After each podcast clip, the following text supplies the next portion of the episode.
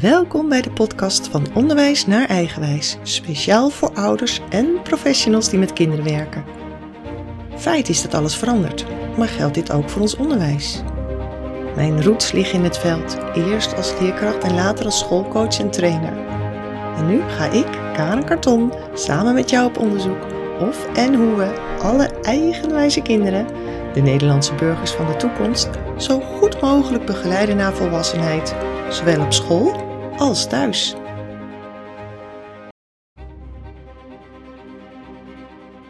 In deze aflevering staat onze denkkracht centraal en vormt samen met onze droom, gevoels en doelkracht onze krachtstroom.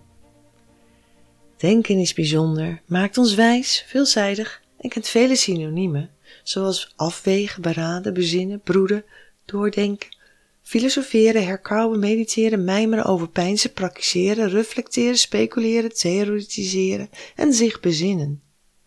Wist je dat we als mens 40.000 tot 60.000 gedachten per dag hebben? Deze bestaan uit positieve, negatieve of relatieve en irreële gedachten. Onze hersenen zijn graag lui en daarvoor hebben ze ordening nodig. En dat is belangrijk omdat het ons helpt om grip te krijgen op de wereld om ons heen. Het denken in abstracties, modellen en concepten gebeurt in ons derde brein, oftewel de neocortex.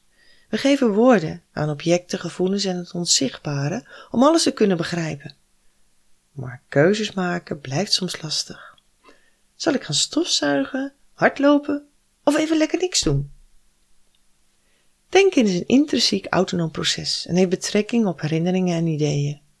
Herinneringen dragen bij aan onze identiteit en worden gevormd door terug te kijken, terwijl ideeën en plannen voorwaarts gericht zijn. Denken, oordelen en waarderen zijn interessante processen.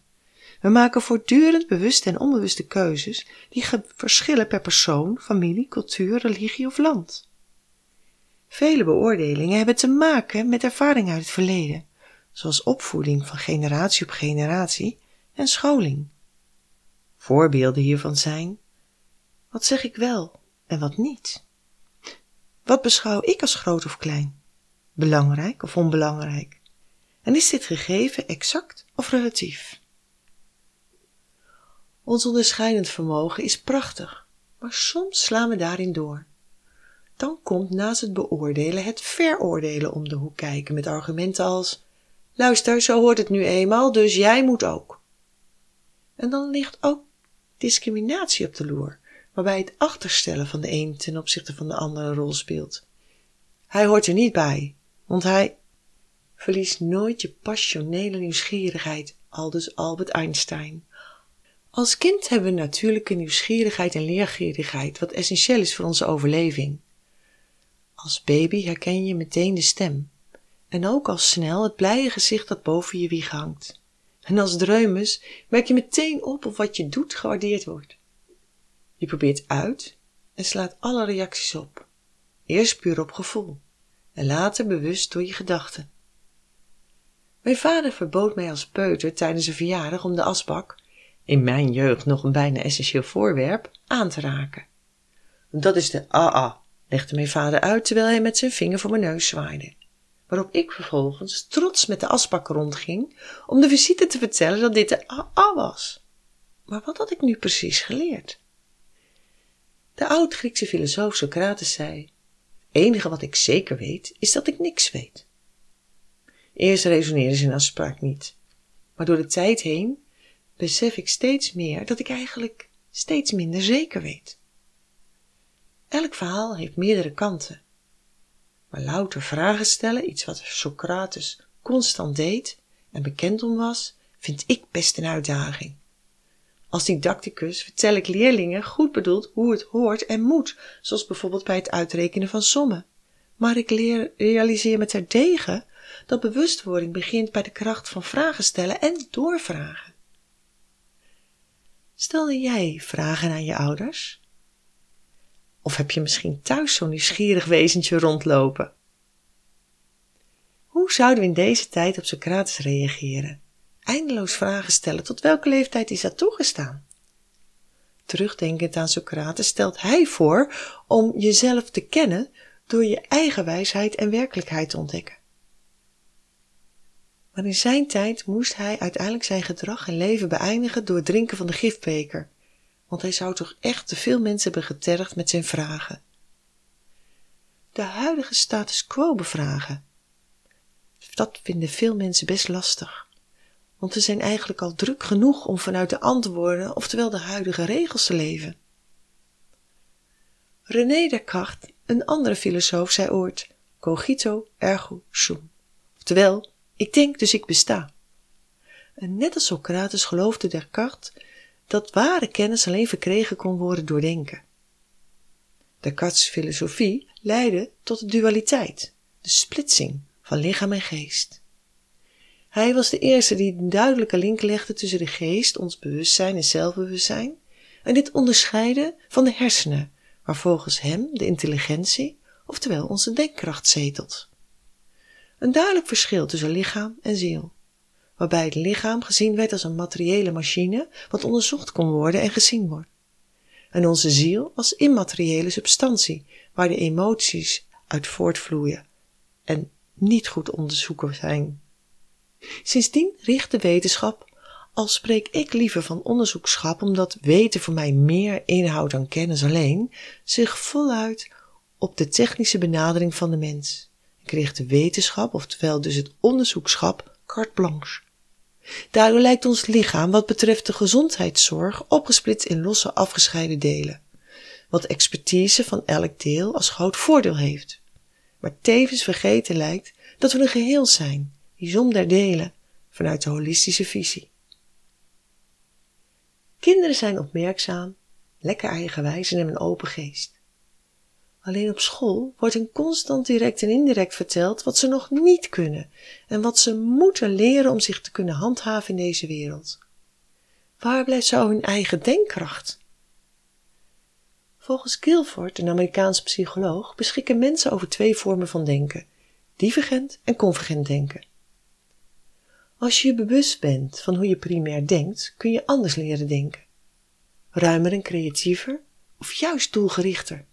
Een belangrijk onderdeel van creatief denken is het divergent denken. Meerdere mogelijkheden bekijken en dan pas beslissingen nemen. Door vragen te stellen help je kinderen om na te denken over andere opties. En dit creatieve denkproces gebeurt meestal op een spontane, vrijvloeiende, niet-lineaire manier. Als een soort fontein, bruisend van ideeën. Denk aan de creatieve droomkracht die ik bespreek in een andere aflevering over krachtstroom. Na die stroom van divergente denkkracht kun je kinderen stimuleren om zichzelf vragen te stellen en daar ook bij keuzes te overwegen. Convergent denken zoekt slechts één correct antwoord op een probleem of specifieke situatie. Het wordt gebruikt als een vorm van leren op scholen en universiteiten over de hele wereld. Een voorbeeld hiervan zijn de kennistoetsen, zoals de gestandaardiseerde meerkeuzetoetsen waarbij maar één antwoord per vraag correct is. De lijn van denken is verticaal en specifiek. De logica is rechtlijnig en resulteert in een exact en uniek antwoord. Bij convergent denken is er geen ruimte voor andere mogelijkheden of keuzes. Een eenduidig antwoord is waar het om draait. Ben benieuwd wat Socrates hiervan zou denken. En op de werking van de hersenen kom ik een latere keer nog terug. Op school genieten alle denkertjes van nieuwe informatie, want dit komt tegemoet aan hun leerbehoeften. Hun denkkracht heeft constant voeding nodig. Maar toch zie je dat ze zich op een gegeven moment gaan vervelen. Vaak omdat hun intelligentie en het aanbod vanuit de methode niet op elkaar aansluiten. De dromers, voelers, doeners zijn dan ook meestal al afgehaakt, omdat zij primair andere leerbehoeften hebben. Abstracte berekeningen, Specifieke spelling en nauwkeurige formules die de methodes en voorschotelen boeien deze kinderen minder.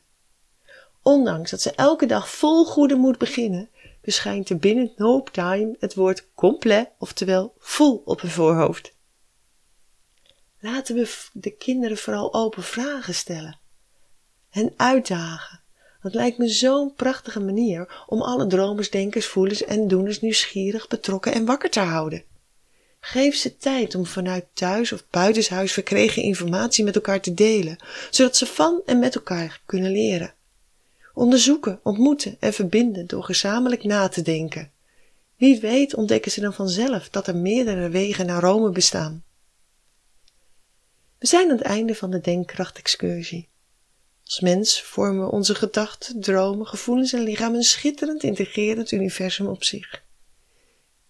En het geluk lag je toe als je alle losse onderdelen verenigt in samenwerking met de kosmos. Jij hebt de regie over jouw krachtstroom, die levensenergie die oneindig stroomt, waardoor je vanuit jouw eigen rijkdom impact hebt op de wereld.